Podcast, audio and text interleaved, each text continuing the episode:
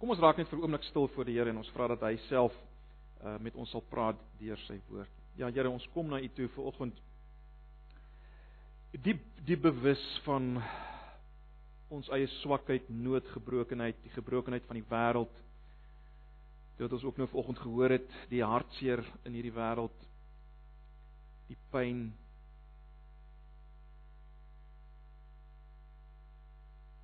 Here, as ons na dit alles kyk, weet ons net dat ons nie sonder U kan nie. Ons het U nodig.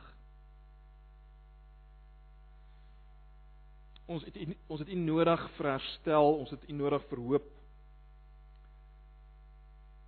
Ons het U nodig vir genesing. En ons het nodig dat U vanoggend ook met ons praat deur U woord. En ons kom vra dit van U. Here, kom ons swakheid, my swakheid ook in hierdie oggend te, te help.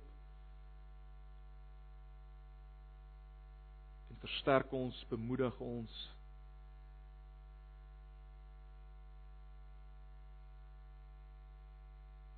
En lanceer ons vir u koninkryk asseblief. Ons vra dit in Jesus se naam. Amen. Goed, so ons gaan kyk na Lukas 1 vers 5 tot 80 as jy die Bybels daar oop het. Ek wil begin met iets waaroor ons al gepraat het, as ek reg kan onthou, toe ons gepraat het oor die oor die skrif. Het ons al vir mekaar gesê en ek wil dit weer vanoggend sê dat elkeen van ons het 'n verhaal, nê, nee, 'n storie. Jy het 'n verhaal en 'n storie. Ek het een. En as ek jou werklik wil verstaan en jy my wil verstaan, dan moet ons mekaar se stories ken. Anders dan kan ek maklik 'n fout maak, né? Nee, kan maklik iets sê uh wat jou ontstel en dan verstaan ek nie hoekom uh, gooi jy jou speelgoed uit die kot nie, want ek het nie uh, jou verhaal geken nie, jou storie waarvan jy deel is nie. So elkeen van ons het 'n het 'n verhaal, 'n storie. Maar behalwe daarvoor is daar ook so iets soos groot verhale. Uh die ouens praat van metanarratiewe. Groot verhale waarvan elke mens glo hy is deel. Bewuslik of onbewuslik glo jy jy's deel van 'n groter storie.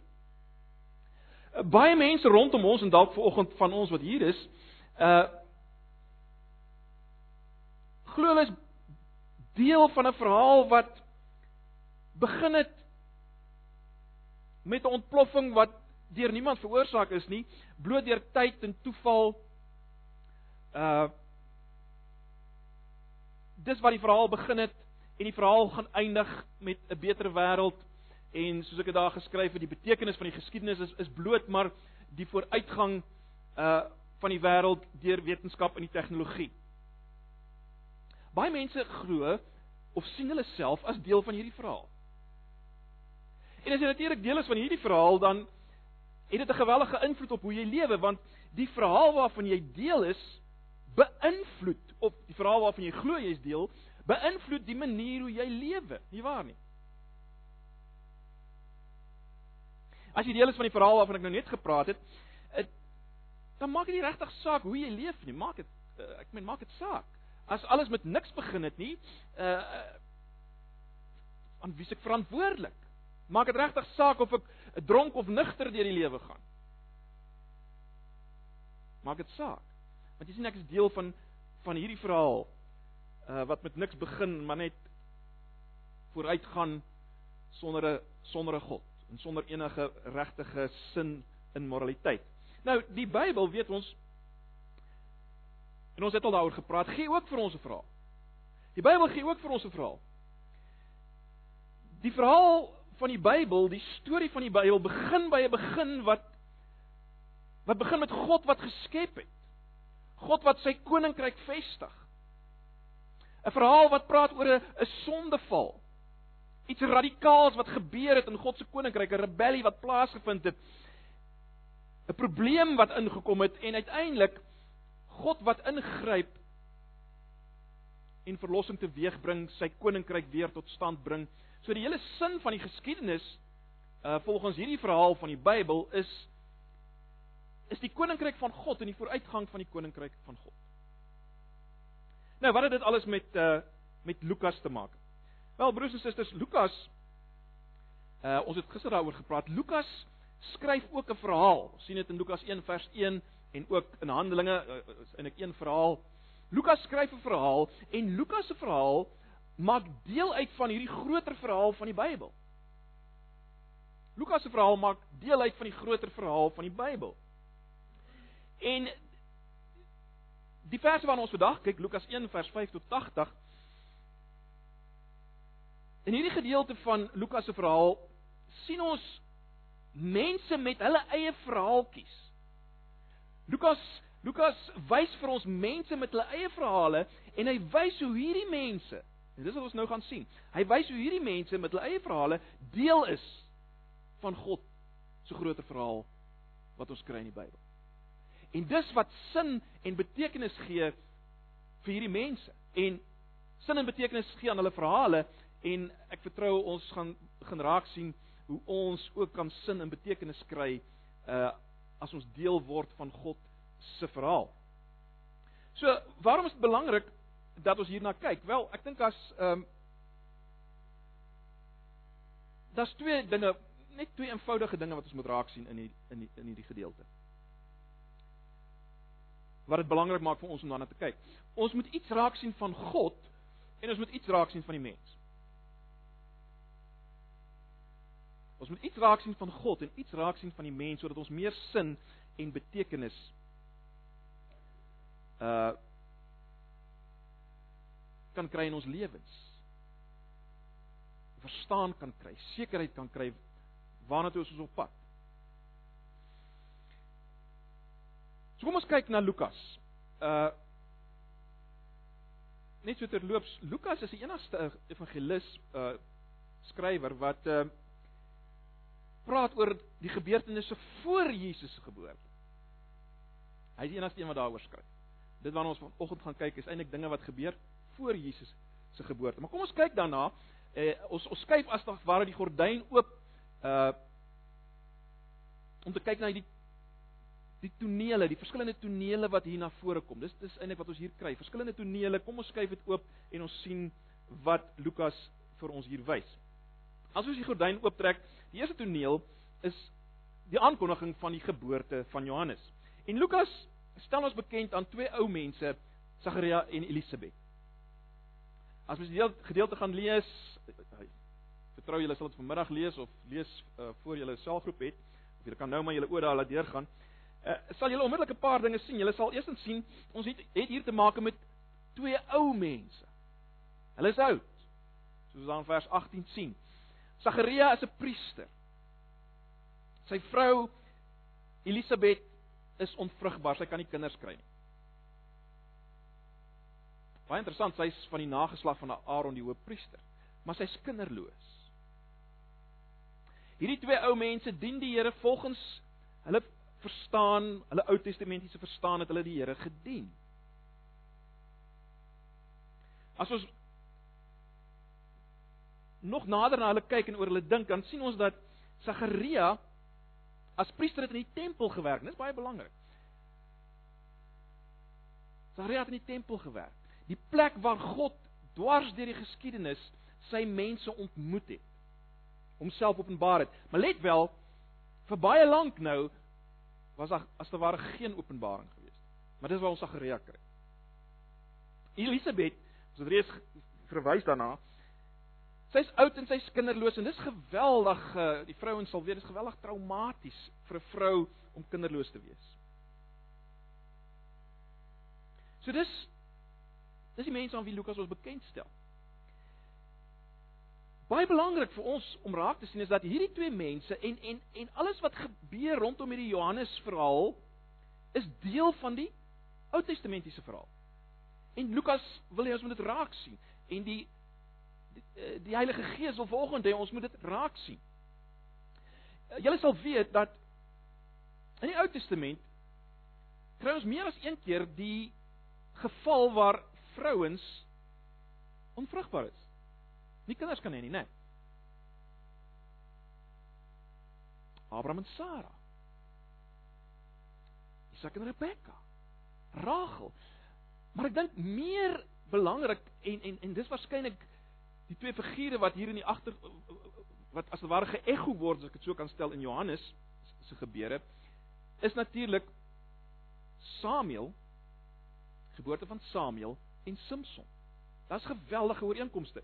As ons vinnig daaroor dink, uh Samuel en Samson net soos Johannes se maas kan die kinders kry.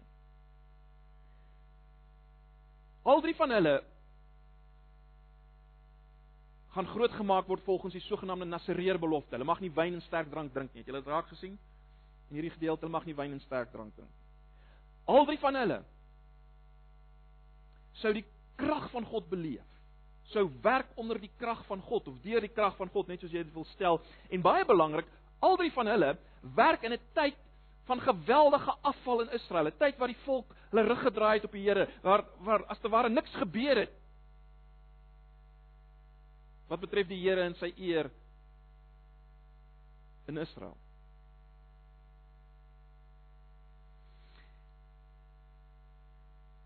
Nou as ons dit in gedagte hou en as ons verder kyk dat daar van Johannes gesê word in vers 15, hy sal baie van die kinders van Israel bekeer. Kom ek gaan net so intoe. Hy sal baie van die kinders van Israel bekeer tot die Here hulle God en hy sal voor om uitgaan in die gees en die krag van Elia. As dit van Johannes gesê word, word al duideliker wat Johannes gaan doen, nie waar nie? Uh dink net aan aan Elia. Elia was die hersteller van die volk, die volk in 'n tyd van geweldige afval was. Jy sal onthou op die berg Karmel. Uh openbaar God homself deur middel van Elia en as te ware word die volk se die godsdiens weer herstel. Hulle was besig om almal agter Baal aan te gaan en uiteindelik onder leiding van Elia is daar 'n terugkeer. So as as daar van Johannes gesê word, hy gaan uit in die krag van Elia en as dieselfde dinge by hom gebeur as by Samuel en en Samson, almal wat optree in 'n tyd van afval en God se middele is om die volk te laat terugkeer. As dit alles gesê word van Johannes, dan sien ons dat ons moet raak sien Johannes is die groot die groot woord is eskatologiese hersteller. Met ander woorde die eindtyd hersteller van die volk. Maar ons weet hierdie volk is nou gaan meer wees as net Israel. Dit gaan 'n nuwe Israel wees wat my en jou insluit. Maar Johannes is die hersteller. Hy gaan die een wees wat vir die volk as te ware herstel sodat God kan kom. Hy's nie self God nie. Hy's nie self die Messias nie. Hy's die hersteller sodat God kan kom. En dit wat ons moet raak sien in hierdie gedeelte. Die stomheid van Sagaria baie interessant. Uh dis iets wat ons ook kry in die Ou Testament. Al hierdie dinge wat wat ons herinner aan die Ou Testament is belangrik want dit wys vir ons dis dieselfde God. Dis dieselfde verhaal. Né? Nee. Esegiel word met stomheid geslaan as hy God sien. Daniël word met stomheid geslaan. Jy kan nie anders as om met stomheid geslaan te word. Maar vir Sagaria word gesê sy stomheid is spesifiek as gevolg ook van sy ongeloof. Dis 'n teken van sy ongeloof. So dis wat ons in hierdie gedeelte sien. Die gedeelte eindig met uh Elisabet wat aangeraak is. Sy is begenadig. Sy gaan Johannes in die wêreld bring, maar maar sy's sy's ook bang, sy kruip weg, sy's bang vir bespotting. Dis wat ons sien in hierdie eerste toneel. Dis wat Lukas vir ons wys in hierdie eerste toneel van sy verhaal. As ons 'n bietjie terug staan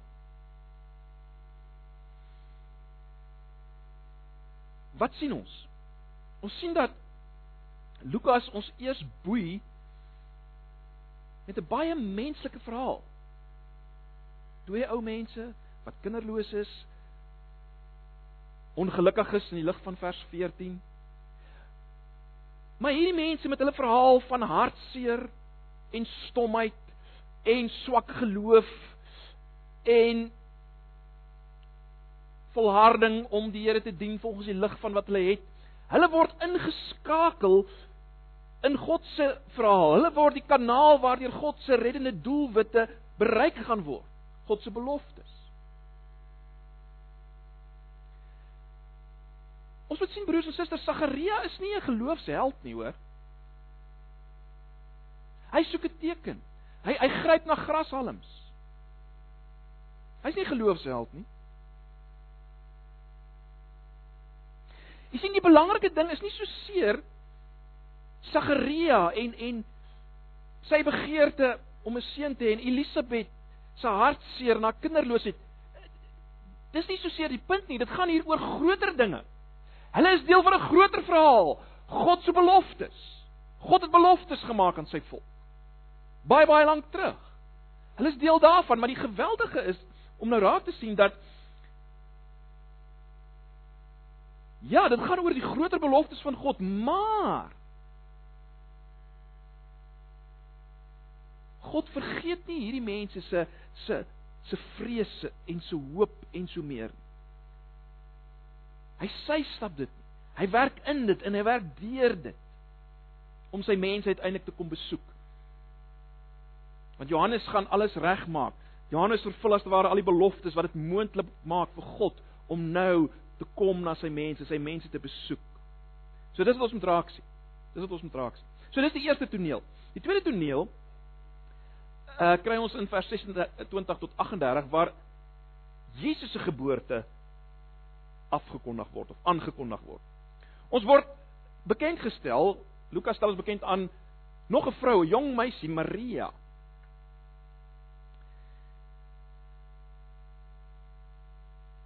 Wat swanger is.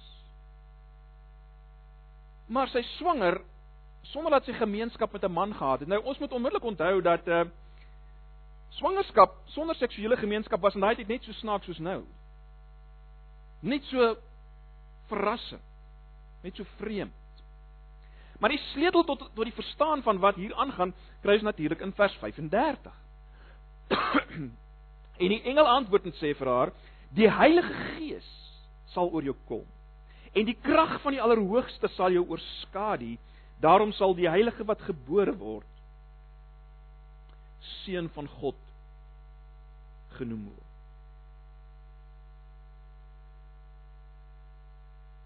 Jy sien dis die Heilige Gees wat Maria in staat stel tot iets wat menslik onmoontlik is. Hier's twee dinge aan die gang. Die krag van God van buite af en die Gees se werk van binne af en dit is net so terloops.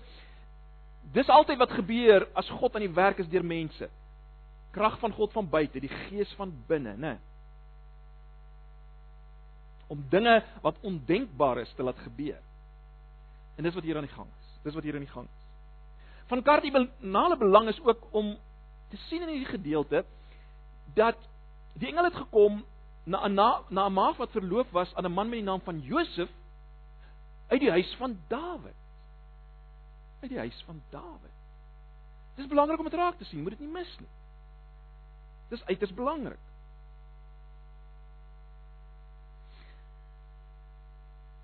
Want kyk na vers 31 tot 35 as die engel verduidelik wie hierdie een is wat gebore gaan word. En kyk, jy sal swanger word en 'n seun baar en jy moet hom Jesus noem. Hy sal groot wees en die seun van die Allerhoogste genoem word en die Here God sal aan hom die troon van sy vader Dawid gee. Belangrik dat Josef uit die stam van Dawid is. Jesus sal die troon van Dawid kry en hy sal koning wees oor die huis van Jakob tot in ewigheid en aan sy koninkryk sal daar geen einde wees nie. Is belangrik om te sien dat die die, die skrywer laat ons hier iets sien van Jesus wat die mense in die res van die verhaal nog sal moet agterkom. Nê, nee, ons wie, ons sien nou al iets van wie hierdie Jesus is wat die ander ouens nog moet agterkom deur die res van die verhaal, die, die karakters in die verhaal. Ons weet dit nou al. Hy's koning. Dis geweldig. Hy's koning, maar hy's ook die seun van God. So hier's 'n geweldige politieke aanspraak om dit so te stel en hier's 'n geweldige teologiese aanspraak. Hy's die eintlike regerder. Onthou net dit word gesê in 'n tyd waar die keiser die regerder was. So hierdie een wat gebore gaan word, hy is die koning sy koninkryk gaan tot in ewigheid wees. En hy is gelyk aan God. Dis 'n geweldige aanspraak wat gemaak word. So dis gewellige groot dinge wat hier gesê word. Maar op 'n kleiner skaal sien ons Maria in kontras met met Sagaria, nê, nee, haar reaksie is, is baie anders as Sagaria se en ek wil nie nou daarop uitbrei nie. Maar maar haar reaksie is eintlik die model van van wat 'n Christen se reaksie moet wees in die lig van wie God is in Jesus, die koning. Sy sê hier is ek. Hier is ek. Laat my gebeur wat daar moet gebeur. Vers vers 38. Kyk maar weer daarna. So as ons terug staan en en ons ons kyk na hierdie toneel en ons dink oor hierdie toneel dan dan sien ons dat hier is alles wat wat nodig is vir 'n absolute plofbare storie, nie waar nie? Hierdie ont, ontvangenis van hierdie baba. God se krag. Sy heerskappy. En daarom is dit kontroversieel. Die verhaal van Jesus is kontroversieel. Daarom maak mense dit af. Hoekom maak hulle dit af? Hoekom kan hulle dit nie verdra dikwels nie? Wel, want as dit waar is, is daar een met absolute mag en hy vra absolute lojaliteit van jou as mens. Jy kan hom nie stap as hy is wie hy is nie. Daarom hou die wêreld nie van hierdie verhaal. Waarom is dit 'n kontroversiële verhaal? Maar dit bring ons by volg by die volgende toneel. Maria wat Elisabet besoek. Baie baie kortliks.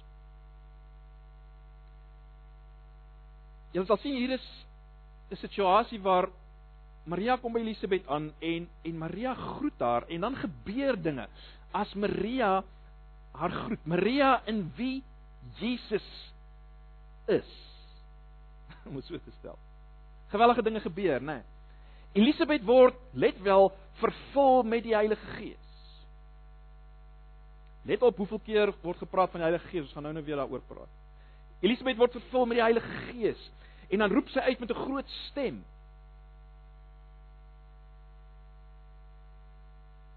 en sy seun as te ware vir Maria.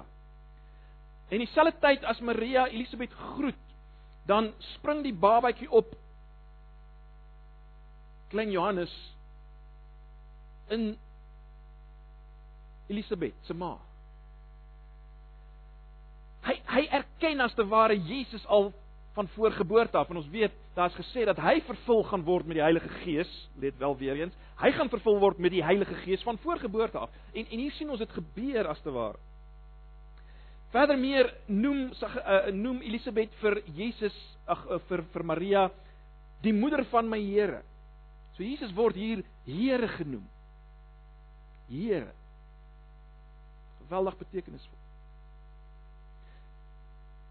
Maar dis die derde toneel wat Lukas vir ons wys. Dan is daar 'n vierde toneel.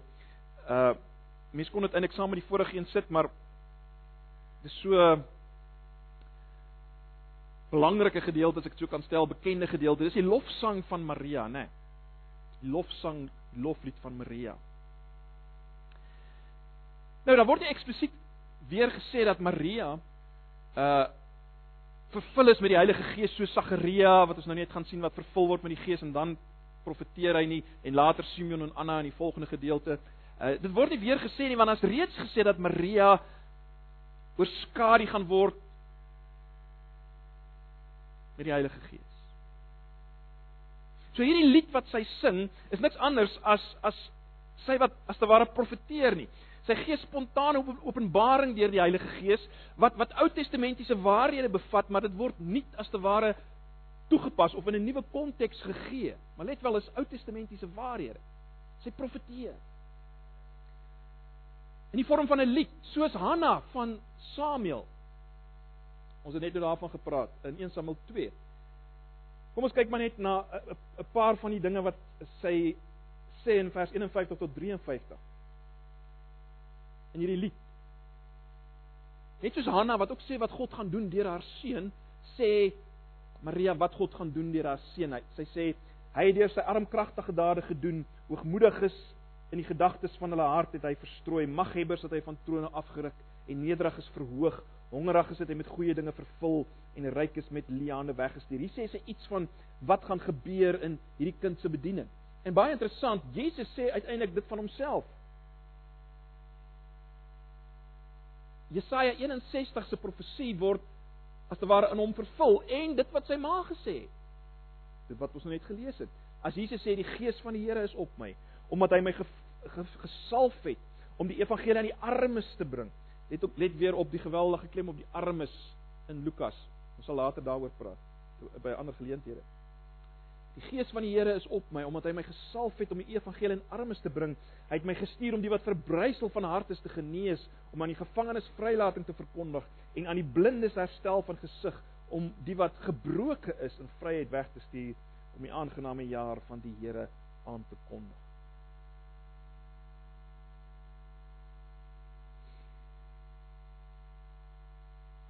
So ons sien Maria is is besig om as te ware te profeteer oor wat wie hierdie seun van haar gaan wees, wat hy gaan doen. Maar baie belangrik, in wat sy sê, is dit ook duidelik dat weer eens dat die Bybelse beloftes wat God in die Ou Testament gemaak het, die agtergrond is van wat gaan gebeur in en deur haar seun Jesus.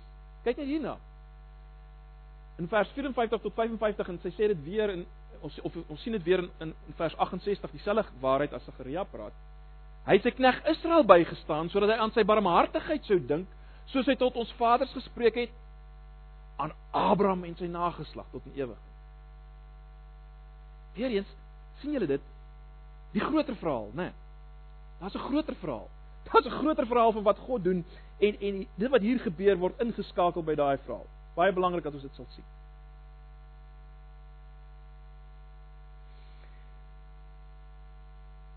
En dit wat Maria oor praat, oor profeteer, oor dit wat Jesus gaan doen, bring natuurlik geweldige vreugde. Dit bring geweldige vreugde. Maria het gesê my siel maak die Here groot, my gees is verheug in God my saligmaker omdat hy die nederige toestand van sy diensmag aangesien het. Want kyk, van nou af sal die geslagte my salig noem, want hy wat magtig is het groot dinge aan my gedoen. Heilig is sy naam. Sy barmhartigheid is van geslag tot geslag vir die wat hom vrees. En uh in vers 58 is Sagaria en Elisabet ook bly saam met haar. So daar's geweldige vreugde. Daar's geweldige vreugde. So, hierdie Jesus gaan 'n revolusie veroorsaak. Hy gaan geweldige vreugde veroorsaak, maar natuurlik is daar ook 'n ander kant. Ek gaan nie nou daarop uitbrei nie, maar ons gaan dit veral sien as as uh, Simeon en Anna op die toneel verskyn en Simeon profeteer onder leiding van die Gees. Dan sê hy vir Maria dat 'n 'n swaard sal deur haar siel gaan en ons weet dis wat gebeur. Daar's hier gewellige vreugde, maar sy gaan binnekort vir 3 dae haar seun soek. As hy weg is, dan kry sy hom uiteindelik in die tempel wat 'n afskaduwing is van die 3 dae wat hy natuurlik in die graf gaan wees. As hy nie gaan weet wat het van hom gebeur nie en al die smart en die hartseer daaraan verbonde wat eers natuurlik met die opstanding uh eers met die opstanding het sy werklik vertroosting gekry. So daar's 'n ander sy en, en broers en susters, as ons dink oor oor Jesus en wat hy kom doen, moet ons altyd onthou, daar is ook 'n ander sy. Daar's die vreugde, maar daar's ook die hartseer as jy as jy deel is van Jesus en sy verhaal. Die twee is onafskeidbaar. Daar is ook 'n ander sy. Maar goed, kom ons kyk na toneel 5. Die geboorte van Johannes en Sagarias se loflied. Mense sou dit in twee kon deel maak. Kom ons kyk maar saam daarna. Ons ken die verhaaltjie, né?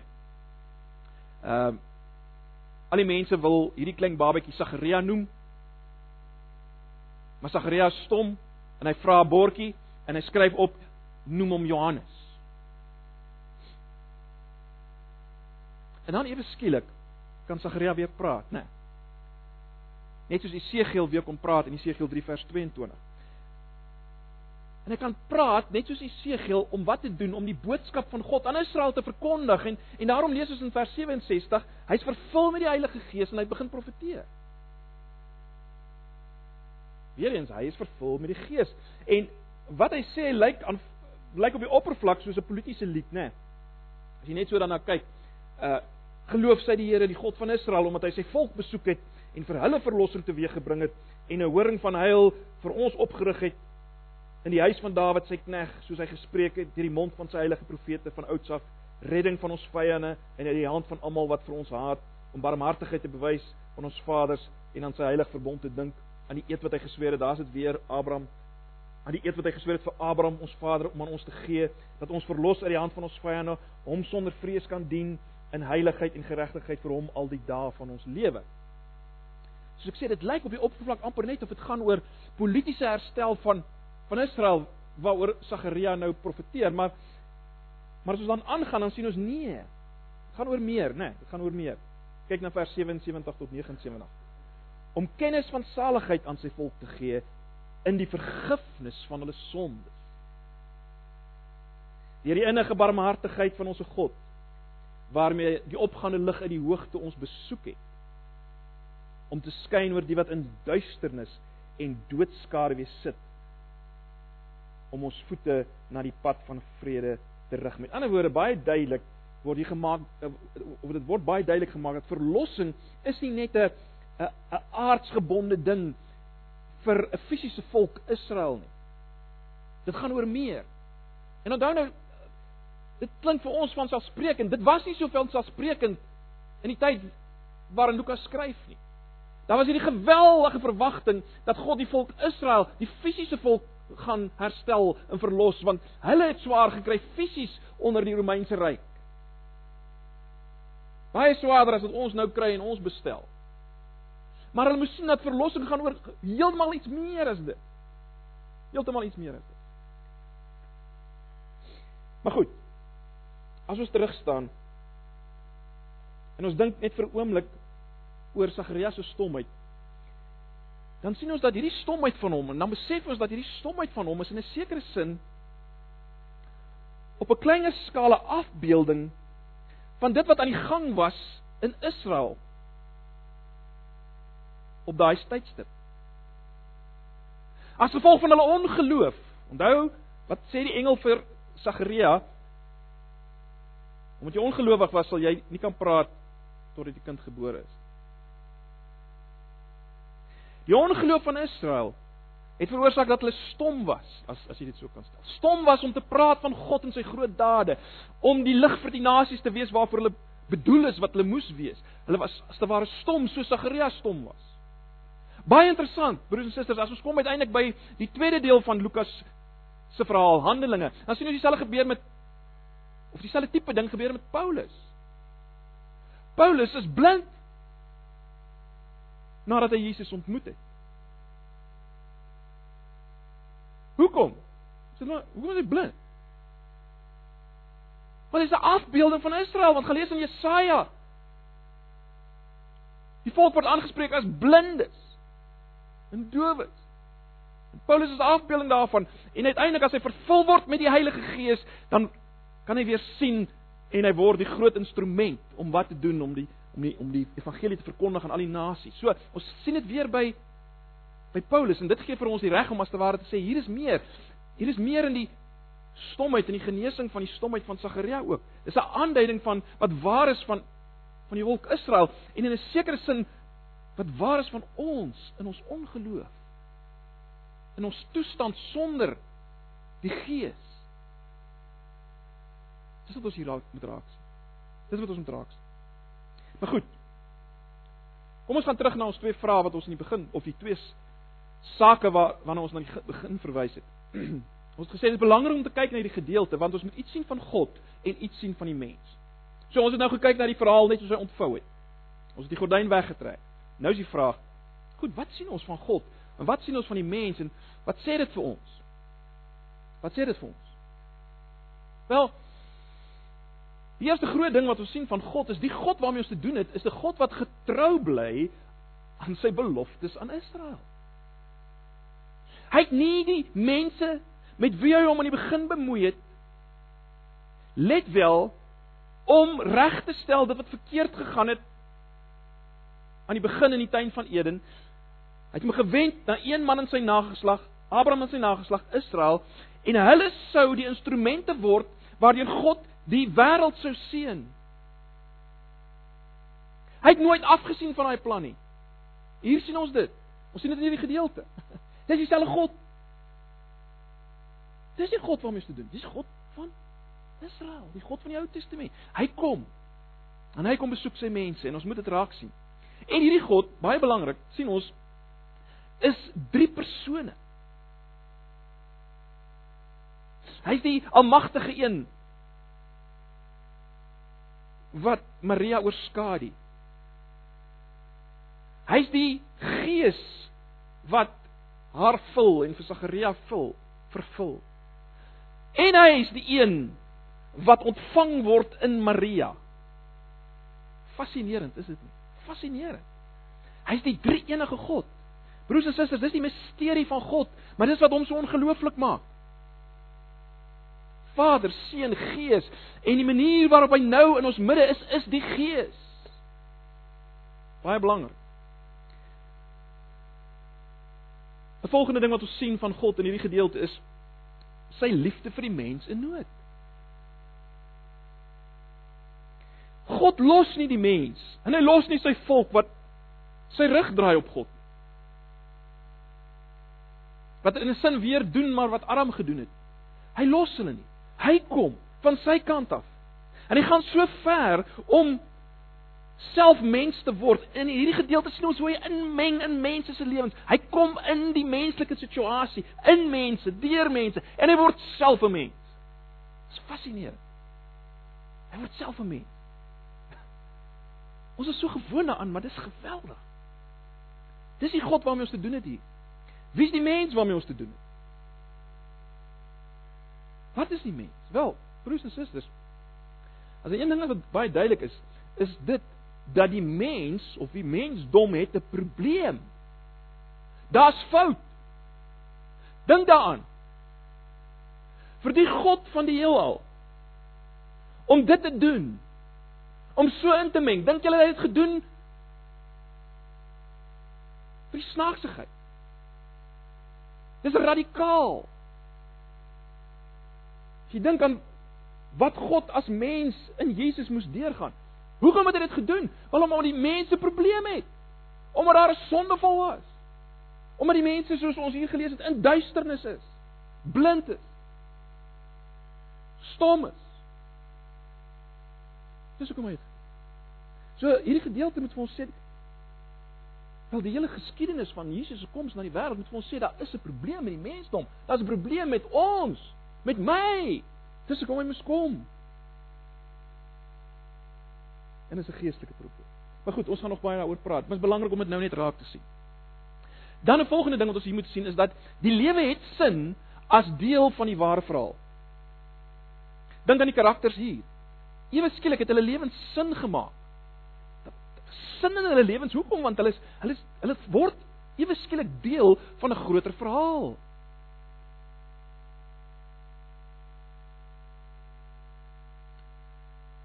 En hulle Hierdie mense word instrumente waardeur God homself openbaar.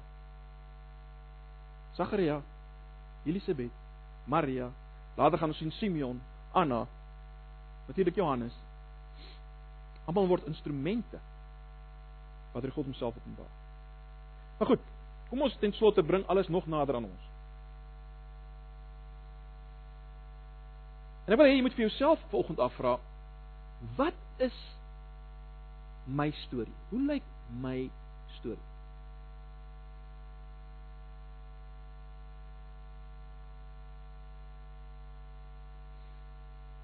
Van watter groter storie of verhaal glo ek ek is deel? En baie belangrik, kan mense dit sien? Kan mense sien van watter groter verhaal ek deel is? In hoe ek leef? In wat ek sê? Kan hulle sien ek is deel van 'n verhaal wat sin het, 'n betekenis het en vooruitgang het? Die koninkryk van God. Kan mense dit sien? Is ek al aangeraak deur die God waarvan ons hier lees? Is ek al aangeraak deur hom? Het hy my al ontmoet en my ingeskakel? Wil jy met jouself dit vra? Het dit regtig al gebeur? En dan wil ek in die tweede plek moet jy vir jou moet jy kom ek stel dit so jy moet jy moet jy moet hoor wat moet jy hoor volgens jy moet hoor en ek moet hoor dat God wil mense soos jy inskakel. Hy wil ons inskakel, hy wil ons verhaal inskakel in sy groot verhaal. Hy wil hê ons moet deel word daarvan. En as jy deel word daarvan, sal jy dit weet. Jy sien jy moet jouself afvra Maar watter verhaal is ek deel? Kan mense dit sien want mense kan dit sien. Daar was geen twyfel dat Sagaria en Elisabet en Maria deel was van God se verhaal nie. Dit was baie duidelik. Dit sal duidelik wees dat jy deel is van hierdie verhaal as jy deel word.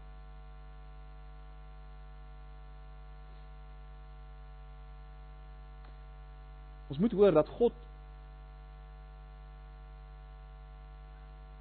maak homself ook vandag nog bekend aan die wêreld deur die inskakeling van sy kinders se verhale in sy verhaal.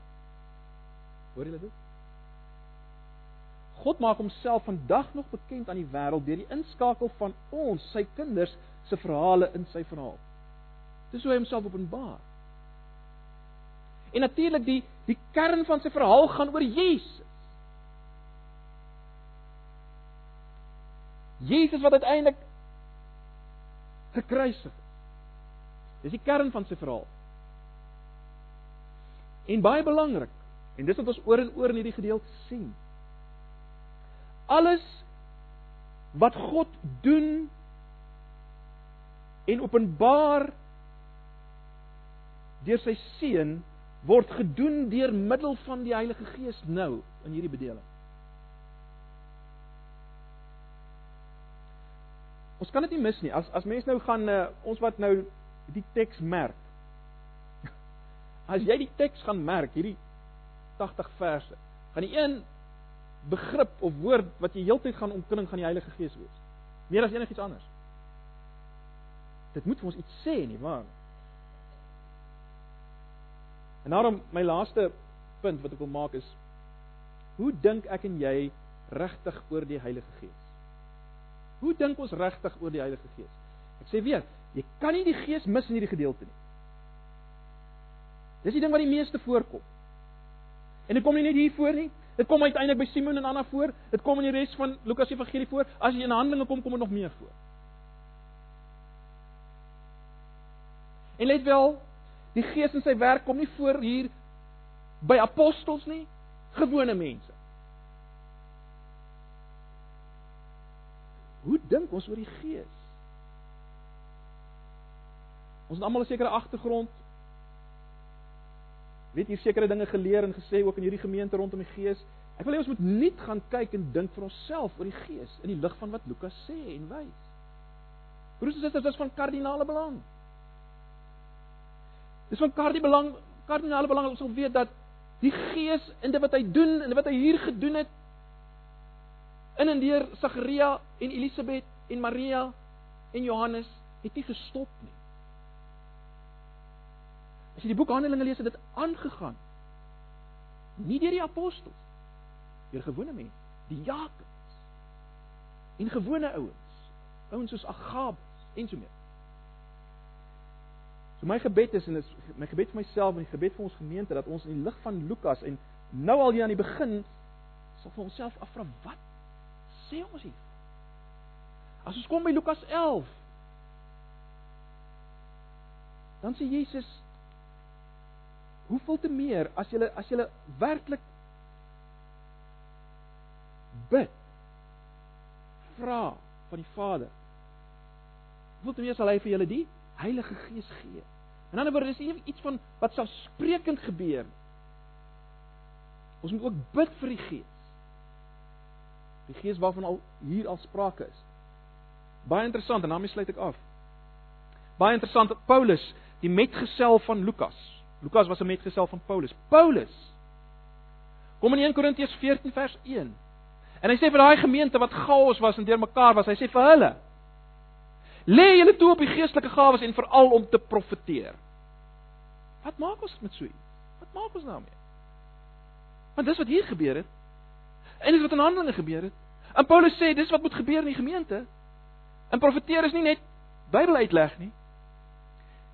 Ek laat dit by julle. Ek wil hê ons moet daaroor dink. Ek wil hê ons moet daaroor bid want broers en susters Ons loop die gevaar dat ons dinge vermy wat skeef getrek word in ander kringe. Ons ons vermy dit omdat dit skeef getrek word. En ons vergeet heeltemal af. Ek vra weer, hoe dink jy oor die Heilige Gees? Is jy bang vir die Gees? Is jy huiwerig?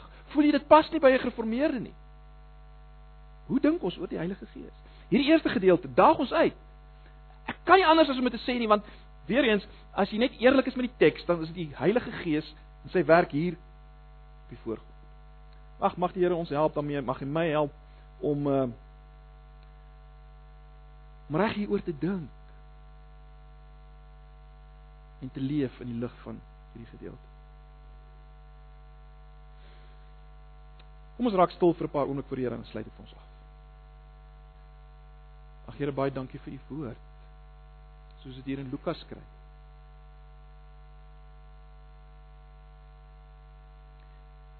Here, my gebed is dat U ons ore sal oopmaak dat ons sal hoor wat die Gees vir die gemeente wil sê.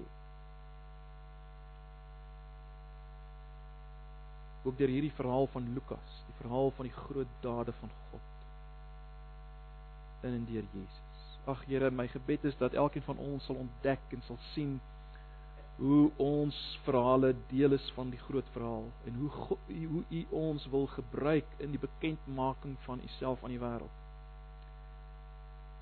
asseblief. Maak ons oë oop, maak my oë oop dat ons sal sien. Verander ons, raak ons aan.